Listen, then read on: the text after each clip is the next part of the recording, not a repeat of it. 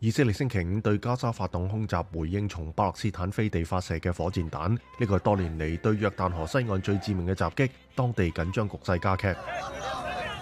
几百名阿富汗同马来西亚嘅穆斯林喺呢两个国家抗议，两名欧洲极右政界人物公开污损可兰经副本嘅行为。几百名反政府抗议者星期四晚喺秘鲁利马街头同防暴警察对峙，该国几十年嚟最严重嘅骚乱仍然继续。海地星期四有自称系警察嘅示威者喺首都太子港发动骚乱，抗议该国武装团伙最近杀害警察。